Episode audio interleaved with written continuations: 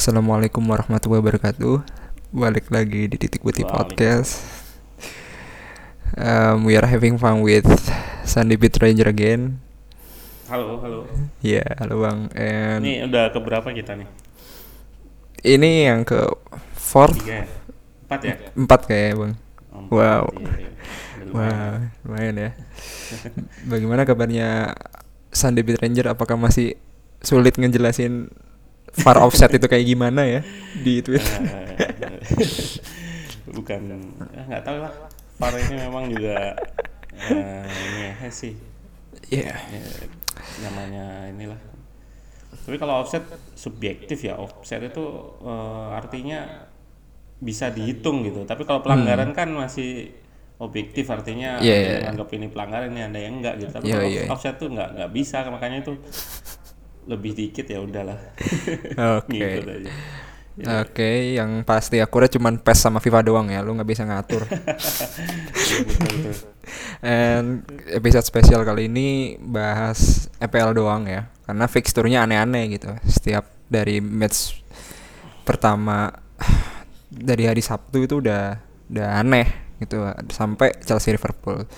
Aneh gimana nih? Anehnya tuh banyak Hasilnya? cerita, iya banyak cerita Oh, aja iya. gitu tiap-tiap matchnya gitu. Baik. Kalau yang West Ham MU kalah nggak aneh kan? nggak aneh nggak aneh karena gue nemu meme di mana Tom and Jerry si Jerry ngajakin berantem si Tom nggak mau udah udah sama kayak gitu udah udah kalau mau tusuk tusuk aja udah gitu ya udah lah ya Iya, iya, oke anyway um, Leicester Spurs nih padahal habis. Mm-mm. unggul dulu kan bang Oke, ya? Unggul, unggul, unggul. Nah, dan gue nggak lihat sih ini lebih tepatnya obviously mungkin abang bisa Oh. menjelaskan dengan tendangan off movementnya um, dari Siapa itu? Harry Kane yang Oh, iya. i- tidak biasa dan hingga sampai Son ya di ini tuh karma karma VAR-nya ternyata menggerogoti Spurs juga gitu. Oke, mungkin bisa dimulai dari itu bang. Nah, kalau ngelihat sih Spurs memang nggak tahu ya. Hmm. Tapi banyak banyak yang bilang kan memang Spurs itu yang bikin dia nggak nggak masuk hitungan ya kayak gini nih suka suka nggak jelas sendiri gitu. Nah, benar juga benar-benar. Kalau kita bahas dari taktik sih memang Spurs kemarin kalau dilihat eh, dia kurang kurang melebar mainnya artinya width-nya kurang lebarannya kurang jadi mereka memang main main diamond ya tujuan diamond itu apa sih buat congest di tengah gitu. Tapi justru bikin congest di tengah itu justru menyusahkan mereka sendiri ketika dapat bola gitu. Karena misalkan nih di depan udah ada Son gitu. Son mau maju itu sebenarnya udah ada eh, Lamela mau naik gitu. Udah ada Son. Yang sering kejadian gitu sih kadang Iya. Harry Kane terlalu Harry Kane tuh sekarang kan mainnya agak-agak deep kan memang. Iya, benar. Ada Erikson Erikson Erikson nggak dimainin tuh Harry Kane pasti nyari bola ke bawah dan lebih banyak Son yang di depan gitu. Nah itu sering sering kayak ibarat bahasa ininya ketubrukan lah, ketubrukan posisi sama si Lamela itu yang yang terjadi dan mereka kurang kurang stretch stretch mainnya. Stretch ini tugasnya fullback sih, tapi fullbacknya juga nggak berani terlalu stretch karena apa ya? Gue kalau nonton Atletico Madrid kemarin tuh si siapa? Trippier itu bener-bener ngasih dimensi baru Iya, bukan iya. baru sih eh, di pertandingan itu bener-bener ngasih apa ya attacking di melebar itu bener-bener hidup gitu si Trippier itu makanya kalau pertandingan Atleti lawan Juventus kemarin banyak yang memuji si Trippier juga sih Oke. Di luar keganasan corner kick ala-ala Atleti yang sundulannya udah selalu menang ya. iya iya Iya, gila. iya. itu memang eh, ya itulah tim-tim yang udah eh, sama sih kayak set piece set piece Liverpool set piece ini. Ya memang kayak gitu tuh nggak nggak nggak mungkin ya nggak dilatih. Nggak dilatih secara apa ya karena dinamis kan. Tapi yang paling sebenarnya yang bisa dilatih itu ya set piece itu. Karena set piece itu apa ya hampir hampir pakem gitu. Hmm. beda dengan eh, open play ya. Open play kan kita maunya di sini gitu Ma- misalkan kamu nyerang bagian ini tapi kan lawan dinamis sekali kalau open play tapi kalau set piece masih masih ada kemungkinan bisa diatur lah untuk set piece itu Oke, em, kayaknya cuman itu aja mungkin faktor Iya apa ya? Iya itu sih mungkin fluktuatif bener juga sih bang. Tapi apakah mungkin cuman pertanyaan satu nih? Hmm. Emang kemarin Spurs sampai final bukan miracle juga kan bang? Maksud gua apakah Hmm, gimana iya sih kalau eh, kalau dibilang miracle sebenarnya eh yes ada beberapa tim yang di UCL itu yang UCL itu kan sistemnya bukan liga kan karena dia Hmm. setengah kompetisi itu itu eh, ada yang tim yang fokus di situ gitu Hmm. jadi ketika UCL beda dengan penampilannya di liga gitu Yo, yo, yo, seperti seperti Spurs kemarin kan kelihatan banget ya di liga waktu akhir-akhir akhir-akhir ini akhir-akhir apa musim itu dia drop gitu tuh dan memang dia memang mau fokus di UCL Nah, ini UCL first. tapi kalau dibilang miracle dan ini enggak sih karena ya tetap lah ada faktor lucknya memang ada cuman ya tetap memang effortnya dia luma- lumayan sih itu dia itu untuk untuk UCL musim kemarin yo yo. yo. Dan ternyata emang sebenarnya Leicester udah nyetak gol duluan kan yang gol kemelut. Dan lagi-lagi mungkin ya itu juga salah satu strategi yang nggak tahu pot seperti apa. Dan em, kipernya juga bukan Loris pada saat itu ya Gazaniga kalau nggak salah. Ini Oh iya, apakah Gazzaniga. apakah em, pemboikotan first goalkeeper banyak banyak banyak nih secara serentak ya? Adrian Gazaniga dan nggak tahu tuh Caballero bisa menggantiin Kepa dan ya oke. Anyway Ya, mm-mm. Ini kayaknya sih ya udahlah ya ini Spurs sih emang ini ada tambahan sih kalau soal Leicester nih kan kemarin pembahasan nih apakah musim ini ada ada breakthrough top top 6-nya itu lah. Top 6-nya ada ada pembahasan yang seru lah karena apalagi kemarin sempat menang lawan Spurs jadi rame lagi gitu. Iya. Ya memang eh, kalau dilihat top 6 ini yang paling nggak nggak konsisten kan ya tim yang kalah ini Spurs terus MU Arsenal hampir Wolves Wolves, Wolves mungkin Wolves Wolves sudah dari awal udah kelihatan ini dia Goyang ya? mungkin ke, ke ya eh, kebagi sama Europa League tapi Yoi. Wolves eh, seri bisa bisa nyetak gol di akhir-akhir golnya banyak di akhir musim gitu nah yang dijagokan untuk masuk ke top 6 ya salah satunya Leicester ini sih melihat komposisi pemain Yoi. ya memang memang eh, lumayan hmm. lumayan inilah lumayan gemil gemilang lah lumayan Yoi. Kalau gue sih masih jagoin Bournemouth ya. Nih Oh, lagi-lagi Nathan Ake masuk MOTM nih nggak tahu lagi nih gue nih kenapa Chelsea ngebuang itu karena dulu kan lagi nggak ada slot jadinya lebih anteng di Bournemouth dan Solanke Iya. juga ada di sana. Hmm. Dan ngikutin ya itu yang udah gue bahas di podcast sebelumnya sama teman gue emang kalau mau lihat cuplikan golnya Bournemouth itu dari adminnya The Cherries di Twitter itu emang dia itu benar-benar set playnya tuh dari tengah gitu loh nggak cuman cuplikan di sepertiga akhir kotak lawan doang iya. gue Gua- nggak nggak lihat sih gimana Iya kalau kalau gue tuh ngahnya gitu selalu selalu passing-passing ya maksudnya tikit dalam tanda kutip tikit takanya itu di direkam sampai Oh, benar-benar iya. menjadi gol kayak gitu. Dan itu sih mungkin yang gak buat gue. Dan Bournemouth juga apalagi lawan Everton menang juga itu dan kemarin lawan Southampton 3-1 iya iya. Ya itu And Everton ternyata dua kali kalah lawan Sheffield United bahkan. I don't know. Gue juga nggak ngikutin yang lain dan ini juga di home. Mungkin angin anginnya kurang kenceng ya harusnya menang angin. I don't know. Ya gue gue nonton sebentar sih itu Hmm. Sheffield. ya tetaplah konsisten dengan center back overlapnya sih. Iya, iya, iya. tapi sebenarnya Sheffield nggak terlalu agresif mainnya maksudnya nggak terlalu pressing ketat gitu Hmm. gol-golnya kan banyak eh, Hmm. yang terakhir tuh counter counter attack gitu Ya, ya. Ya, lagi-lagi next ke Manchester City yang pernah gua bahas ya, karena kita sebenarnya kalau dari gua sendiri emang soto tapi kadang banyak benernya. Kenapa harus nyetak gol banyak ya Manchester City ya? Bener juga dan kejadian kemarin kan 8-0 ternyata Iya. Maksudnya ya itu harus melawan City harus sehat jasmani dan rohani gitu. Ketika lo di bawah 18 menit bahkan itu udah, udah 5-0 ya udah gitu.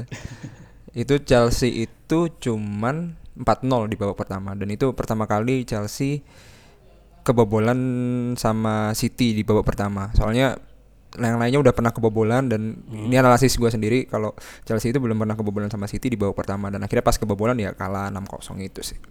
Iya, Oke. iya. memang gol gol gol cepat itu krusial banget sih. Yoi, itu yang yang gua gua lihat dari City. Hmm. Gua gua suka lihat preset-preset atau beberapa meta-meta yang dia keluarkan untuk ngasih tahu oh gini banget ya taktisnya tuh kelihatan banget itu bang kayak bener wah Iya. gila gila gila bener-bener bener-bener kayak mereka tuh robot gitu yang bener-bener kayak Iya. diatur gitu nah, Memang bener City itu sebenarnya mekanismenya ya orang bilang kan serangannya juga paling dari samping di crossing ke tengah. hmm, Tapi itu sulit gitu. yoi sulit untuk ini karena Pep Pep kata Pep juga udah mungkin ya riset juga kan memang bertahan untuk bertahan di half space-nya untuk ruang di antara fullback sama center back itu susah memang. Hmm, dan itu yang dipakai City gitu. Dan kemarin kan diperparah dengan taktik awalnya Watford yang nggak pakai striker. Memang tujuannya sih tujuannya eh, memang sebuah taktik itu kan ada kompensasinya nih. Tujuan mereka memang untuk konjes lini tengah untuk menumpuk semua pemain di lini tengah. Tapi itu nggak dibarengin sama mekanisme pressing yang bagus itu skema pressing yang bagus di tengah secara kan kita lihat nih pemain 4 bermain dengan 4 eh, 451 ya 451 dengan Dolevu yang yang yang buat striker gitu. Jadi dia lebih sering turun ke tengah. Itu artinya ada enam pemain di di tengah itu ada enam pemain di tengah. Tapi mereka dengan bermain seperti itu artinya dua center back City itu nggak ada yang ganggu gitu itu itu masalahnya mereka. Jadi City it- City itu cuman cukup bertahan dengan dua orang aja cukup kadang memang dibantu Rodri yang turun tapi karena Watford nggak ada striker yang ganggu si center back jadinya full backnya naik semua gitu. Jadi City cukup cukup bertahan dengan tiga sampai sama dua pemain dan full backnya full backnya naik semua otomatis kan serangannya lebih lebih ini lebih lebih banyak variasinya dari Mendy dari Walker. Walker aja biasanya kan sering sering bertahan kan sering lebih lebih sering bertahan nggak naik. Iya. Nah, kemarin tuh dikasih karena nggak ada striker ya, iya iya. Walkernya naik gitu. naik. Dan ya ya udahlah ya kalau udah kebobolan segitu lu mau ngapain lagi ya? Dan em, lagi nggak tahu nih meskipun menang 8-0 100-0 nggak masuk best em, FIFA ya apa ya itu Oh yang ya itu apa penghargaan semalam ya. Mm-mm. Iya, iya. Ada yang bilang mana Bernardo Silva kasihan banget nggak masuk udah nyetak gol banyak-banyak nggak masuk and ya yang yang kasihan tuh ini sih yang agak aneh sih Marcelo dibanding Robertson ya. Ya iya lu bang nggak tahu tuh, tuh, tuh. Kenapa harus Real Madrid? Gitu kemarin kan jelek ya oke Nah I itu lah. Eh, nggak ngerti juga sih. nggak ngerti juga ya udahlah. Untuk di luar itu emang people champion aja lah buat buat mereka ini. Mau main Manchester City mau Van Dijk mungkin. Bahkan mau Ronaldo yang eh, bener-bener hasil di Juve gitu. Mm. ya meskipun Messi tidur tiduran main di bench juga dapat kok ya udahlah. Kita nyinyirnya gitu aja ya guys. Sorry.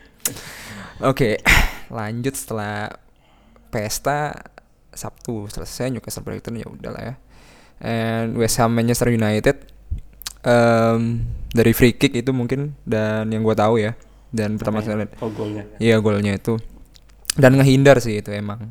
Iya nggak tahu lagi emang set ya itu set piece. dan itu cantik menurut gua eh, cetak gol yang pertama dan Oh, em, gi- Yarmolenko ya.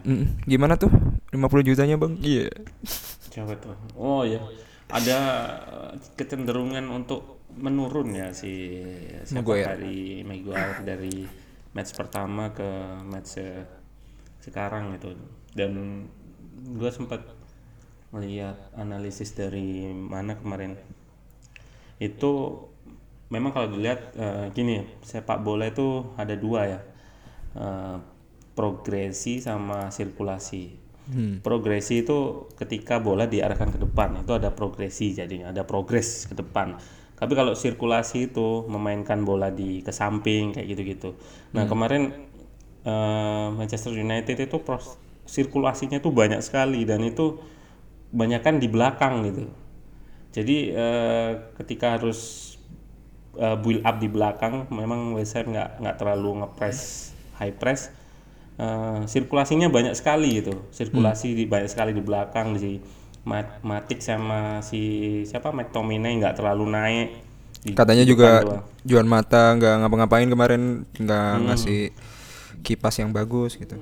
Juan Mata ya nggak nggak dia berjuang sekali sih karena memang Hmm. dia sendirian gitu tanpa Matic yang sama McTominay di belakang ya jadinya dia sendirian di di di tengah gitu sementara West Ham on point banget tak- taktiknya ada Declan Rice di depan di depan back gitu. Jadi Juan Mata ya selain ngelawan Declan Rice makanya dia kemarin sering nerima bola ke sayap. Jadinya Juan Mata ada yang mention gua nih Juan Mata ini nggak jelas sih mainnya. Ya itu karena memang dia di tengah su- kesusahan gitu. Iya, makanya dia sering ke sayap gitu. Ke sayap pun mereka artinya numpuk gitu. Di sayap sudah misalkan ada siapa? Daniel James sudah udah naik ke kiri ya sayap Iya. kiri misalkan Juan Mata ikut ke situ juga. Ya memang tujuannya buat overload sih. Tapi ketika tembus jadinya pemain di tengah ini nggak nggak nggak banyak. Itu yang terjadi gitu. Yang di pertandingan MU kemarin banyak kebanyakan sirkulasi satu terus pro- progresi ke depan itu lebih kebanyakan direct gitu. Kebanyakan passing-passing langsung yang umpan daerah itu ke Rashford yang lari gitu. Hmm. itu masalahnya Eh, jadi ketika Rashford dapat bola masalahnya Rashford kan pemain paling paling depan ini. Misalkan eh, progresinya dapat nih Rashford lari ke depan ke udah dapat bola. Tapi seringnya dapat bolanya tuh di di dekat flank gitu. Nah itu kan susah. Contoh lah contoh nih yang yang peluang yang kelihatan banget mungkin banyak yang inget itu mem- eh, apa momen yang ketika Rashford dapat bola dari kiri terus dia lari ke tengah. Yo iya. itu kan salah satunya itu. Dia dia dapat bola ke kiri dan karena nggak ada orang di tengah dia harus naik sendiri gitu. Naik sendirian dan dan itu gagal dan seringnya seringnya kayak gitu sih. Jadi di- dapat bola di sayap di tengah nggak ada yang di Hmm. ada yang Dan- diumpan. Ehm, mungkin Matic nggak bisa ngantiin peran Herrera lagi ya kayaknya. Dan oh ya gua kalau lihat highlightnya gol pertama kayaknya cuma nontonin doang tuh McTominay sama Matic. Lihat Ya, kan. umpan-umpanannya itulah. biasa. nggak punya agresivitas se agresif Herrera yang mereka berdua dan heranya kenapa Matic nggak stay gitu? Artinya apa? Ketika bola bola transisi seringnya Matic itu nggak nggak eh, reorganisasi ke belakang. Seringnya dia yang nutup nutup nutup pembawa Pasif sih. bola nutup pembawa bola atau harusnya sih eh, mundur aja udah mundur karena dia kan nggak punya speed gitu Low block kan bang. Mm-mm, harusnya low block aja udah ke belakang gitu. Tapi ya nggak tahu lah mungkin eh, apa taktiknya atau gimana nggak ngerti juga sih. Dan di sisi West Ham ya, The Sunrise lagi-lagi ini kayaknya Racing Star para pemain-pemain Inggris ini mau ngasih Euro 2020 kayaknya nih ya. Ini Udah balik bagus-bagus nih kayak kata gue. Dan mungkin ya mungkin sedikit guyonan eh, we sacked in the morning dari ya Oh, iya, itu, iya. itu. We are on camera, bro. Stop. Oke, I don't know itu mungkin Pas banget atau enggak. Enggak. Tapi kayaknya ada ada ada dikit kayaknya hampir sama. But anyway, oleh nggak tahu ini kayak gimana. Dan ada beberapa media besar eh, Eropa ya yang nanya. Bahkan gue kalau nggak tahu gue lupa. Kalau misalkan siapa yang cocok leg- legenda selain Ole yang bisa gantiin itu pada nyebutin semua gitu. Dan gue juga tanya sama teman gue gitu. Dia juga nggak bisa jawab gitu karena karena iya siapa lagi gitu. Nggak ada yang bisa diandalin gitu. Kalau kata gue sih ya mak Scholes, Carrick atau Ferdinand mungkin harus berperan untuk eh, ngisi Iya, yang gitu. yang terakhir masuk kan si ini Evra. Evra, Evra iya. kemarin masuk. Eh, Cuman eh, kemarin ada yang gue kan ikut di grup eh, nih FPL nih. FPL itu kalau udah bahas MU memang waduh pembahasannya bisa sampai beratusan gitu. Ratusan ini bahas MU dan memang muter-muter di situ aja sih. Iya. cuman kemarin ada yang nge-share nggak tahu eh, dari mana gitu. Eh, bicara cukup cukup bagus sih. Ini soal transfer gitu dan di katanya itu di di apa gambar yang di share itu ya ada tulisan gitu maksudnya ngejelasin kenapa MU nggak nggak belanja banyak itu. Eh, sebenarnya MU udah belanja investasinya udah banyak gitu. Nah, terus nggak nggak beli di pos-pos tertentu itu karena eh, dia juga invest di akademi selama lima tahun ini. gitu. Jadi ganti model bisnis kayak. Jadi jadi dia mau ngorbitin itu dan mau diorbitin di apa eranya Ole ini dan hmm. ya, artinya ada investasi pemain di sektor-sektor tertentu yang nggak ada di akademi dan pemain akademinya mau ada yang diorbitin. Ya kalau kita ngelihat sih memang rataan pemain umurnya kan paling muda memang eh, MU kan. Rata-rata pemainnya ya.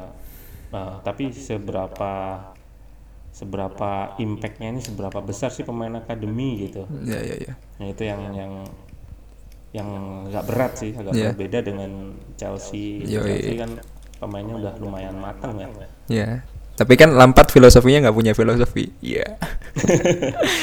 ya, itu, Ya. itu dia juga nggak mau nggak bisa jawab karena mungkin keberatan kayak bang ngomongin filosofi. Karena nggak ada nggak ada yang diterapin ya kalau kata gue. Masih Iya Derby sih, County banget sih. Yang kemarin.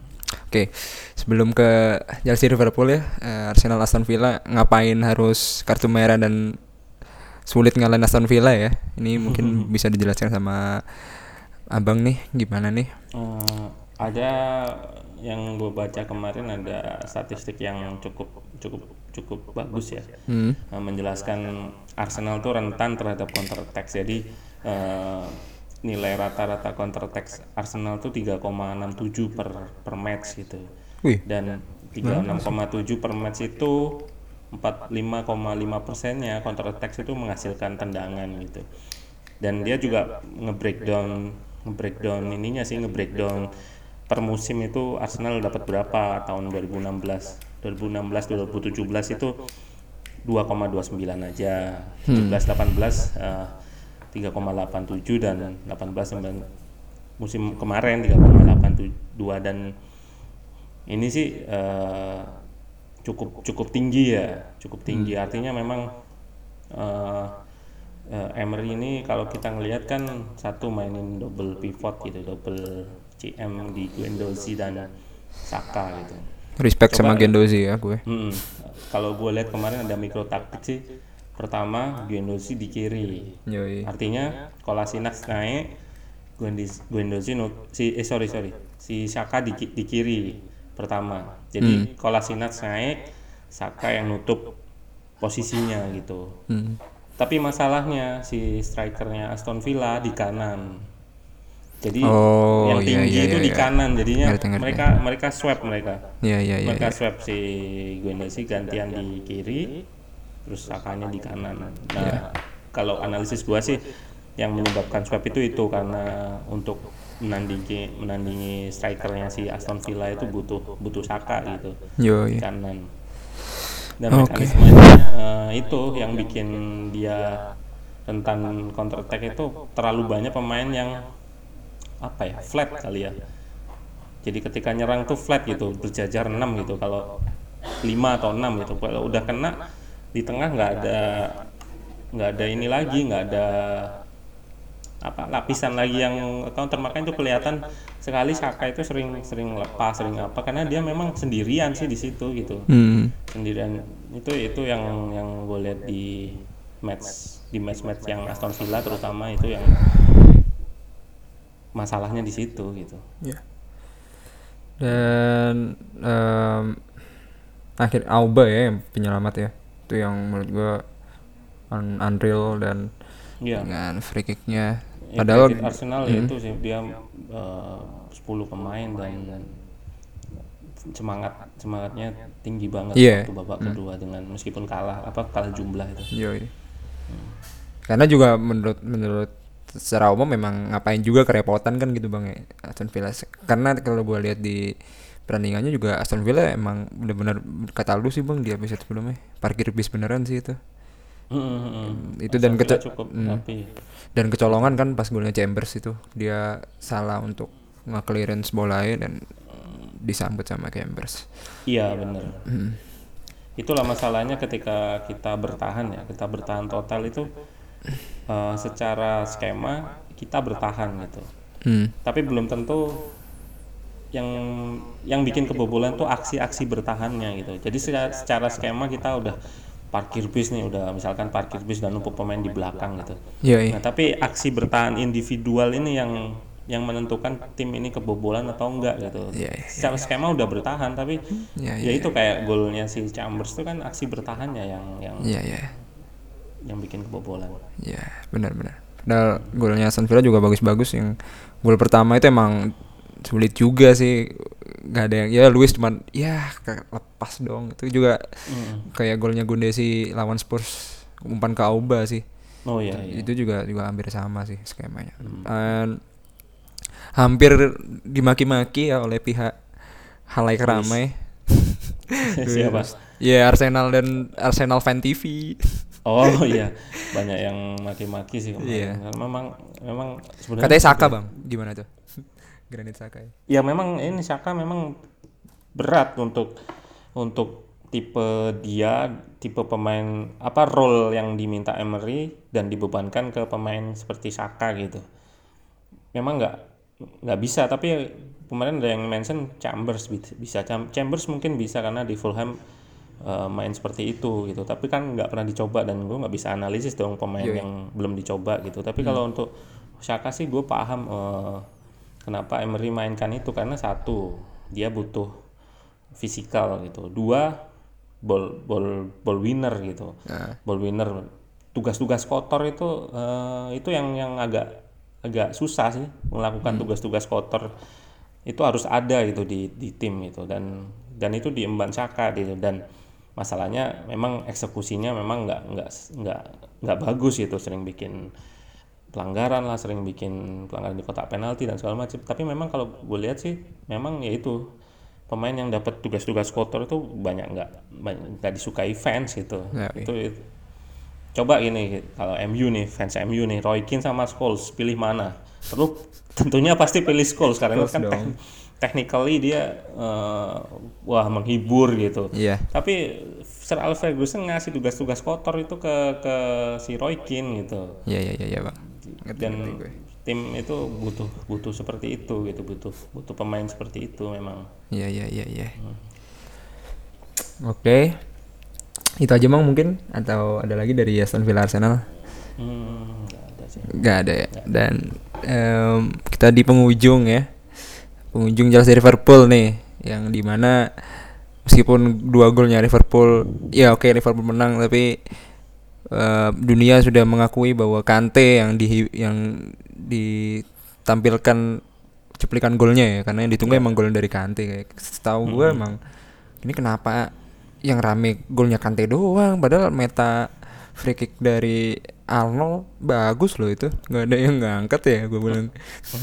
Dan ya mungkin sampai di jelas Liverpool ya satu dua eh, sebenarnya bisa masih satu sama setelah VAR diumumkan set piece lagi ke dua kosong itu mungkin jadi frustrasi lagi. Dan mm-mm. gue pikir yang VAR itu offsetnya waktu offset di kotak penalti loh. Ternyata aduh waktu offset umpan ke umpan siapa bang. itu? umpan ke ya Mount. makanya umpan umpan umpan pertama kan? Iya ke Mount. Kalau nggak salah iya kalau nggak salah setelah itu diumpan ke siapa itu kan? Iya. Gue pikir itu offset ternyata buset yang Iya, pertama ternyata. Jauh banget ya. Ya jauh banget itu. Aduh gila sih tapi ya udahlah. Kalau gua sih eh, apa yang saya saya sudah mengikuti eh, salah satu follower dari Sunday Beat Ranger ya karena itu memang hanya alat saja karena keputusan tetap di wasit gitu. Wih, ya, itu. Itulah untuk masalah gimana cara ngitungnya dari badan kayak dari tangannya yang kelewat ya dari two mid bootsnya yang kelewatan nggak tahu lah gue.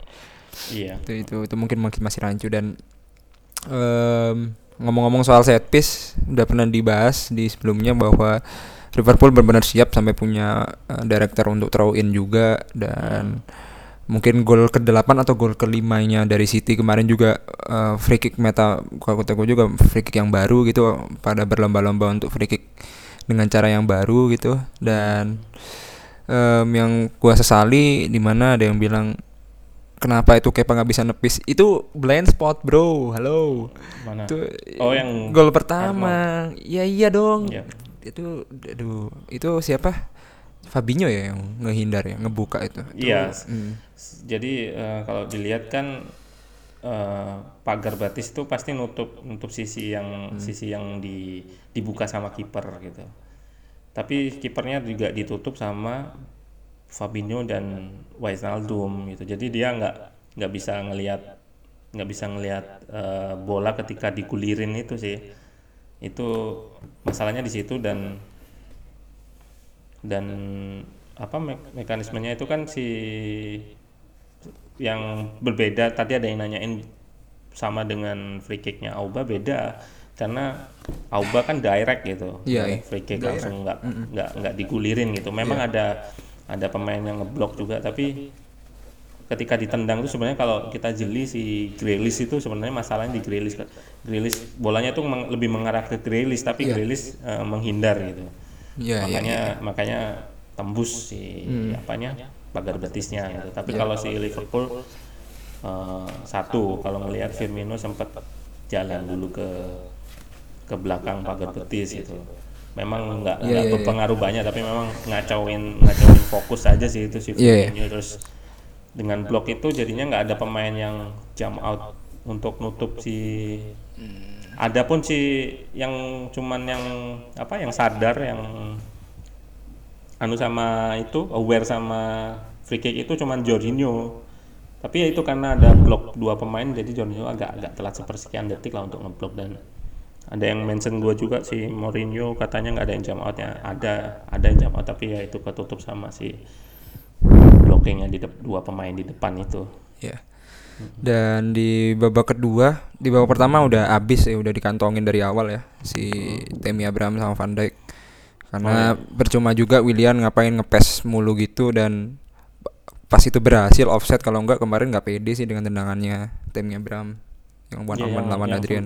Oh iya, itu hmm. itu sayang banget sih. Iya. Itu salah satu salah satu peluang kayak Bang, satu-satunya peluang yang bisa lepas yeah. dari Van Dijk dan ternyata di babak kedua malah salah yang dikantongin Tomori kata gue karena nggak bisa ngapa-ngapain kemarin salah nggak ada pergerakan sama sekali dan sempat diintercept sama Kante juga ya Iya. gitu dan nah itulah itulah yang hmm. yang gue bilang di di Twitter juga kalau ada tim yang sengaja ngelepasin ball possessionnya salah satunya dengan dikantonginya salah terus uh, indikasinya itu satu hmm. pemain udah nggak bisa ngelewatin backnya terus uh, efektivitas serangan udah menurun Yui. terus intensitas pressingnya juga menurun gampang dilewatin nah, Klopp sadar dengan dengan melakukan high press kan makin banyak ruang itu. Iya, Bang. Makin banyak ruang di belakang. Nah, sementara si Chelsea mainnya tetap tetap punya energi gitu. Iya, iya, iya. 60 itu tetap main tetap main wah mendominasi makanya banyak orang yang bilang Chelsea memang kalah tapi uh, tapi lebih tapi ini enggak enggak bukan sebuah concern ya, bukan keresahan lah karena memang hmm. dia main cukup cukup ini cukup atraktif kalau yang bilang tapi hmm. ya itu masalahnya itu ketika klub melihat itu dia pasti ngelakuin eskalasi ke timnya ini apa apa yeah. yang harus diperbaiki nah dia milih untuk melepas ball possession dengan ber, lebih banyak bertahan hmm. uh, ke belakang gitu dan sulit memang mencetak gol dan kalau dilihat gol golnya si Kante kan inisiatif. benar-benar iya individual sekali itu dan itu memang gol gol gol kelas sih kalau gue bilang. Yeah Nah, ini yang yang gue lihat dari apa ya majunya Kante di Sari kemarin dipegang Sari kan. Iya. Jadi barusan main langsung itu barusan starting kan bang? Itu langsung nyetak gol. Iya dan ternyata memang dia punya kemampuan itu gitu. Orang-orang yeah. lihatnya cuman dia, dia di Leicester cuman atau di Conte cuman orang ball winner atau apa iya ngejar bola dia doang punya, tackling mm -mm. padahal dia punya kemampuan itu itu yang improve di eranya Sari sih iya itu yang mungkin dikasih tahunya pas flashback lawan MU di FA Cup atau apa kan juga luar luar kotak penalti juga itu tendangan dari oh, Kante. Oh, iya, iya, iya.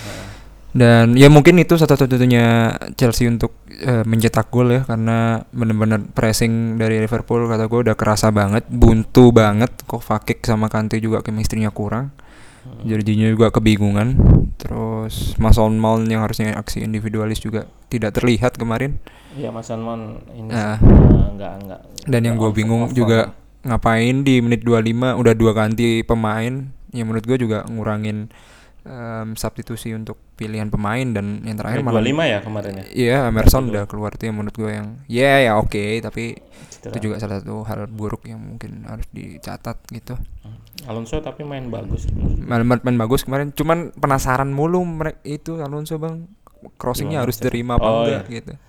Itu iya sih memang. Hmm. Tapi kalau gue lihat uh, memang tipikal fullback kiri Chelsea sangat berbeda sekali ya satu iya. pen- satu ngandalin penetrasi si Emerson penetrasi berani one on one berani masuk kotak kalau Alonso ngandalin crossingnya sih memang Iya. Ya itu aja ya.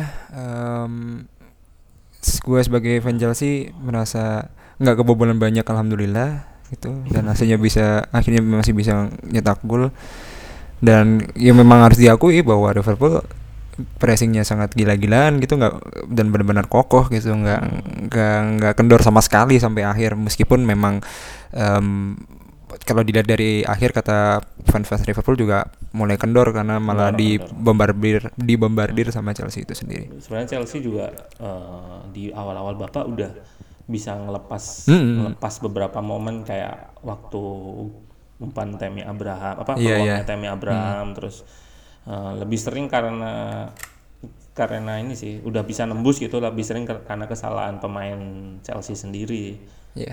Eh, kalau dilihat sih agak-agak teknis ini memang untuk untuk analisis apa eh, cara Chelsea eh, mem- me- membuka crossing tapi yang kalau mungkin teman-teman ada yang jeli gitu si Fabinho lebih banyak maju kemarin itu aja coba di dicek Iya, iya, ulang iya. atau ulang pertandingan Fabinho lebih banyak eh, maju naik ke Jorginho Ya itu. gitu.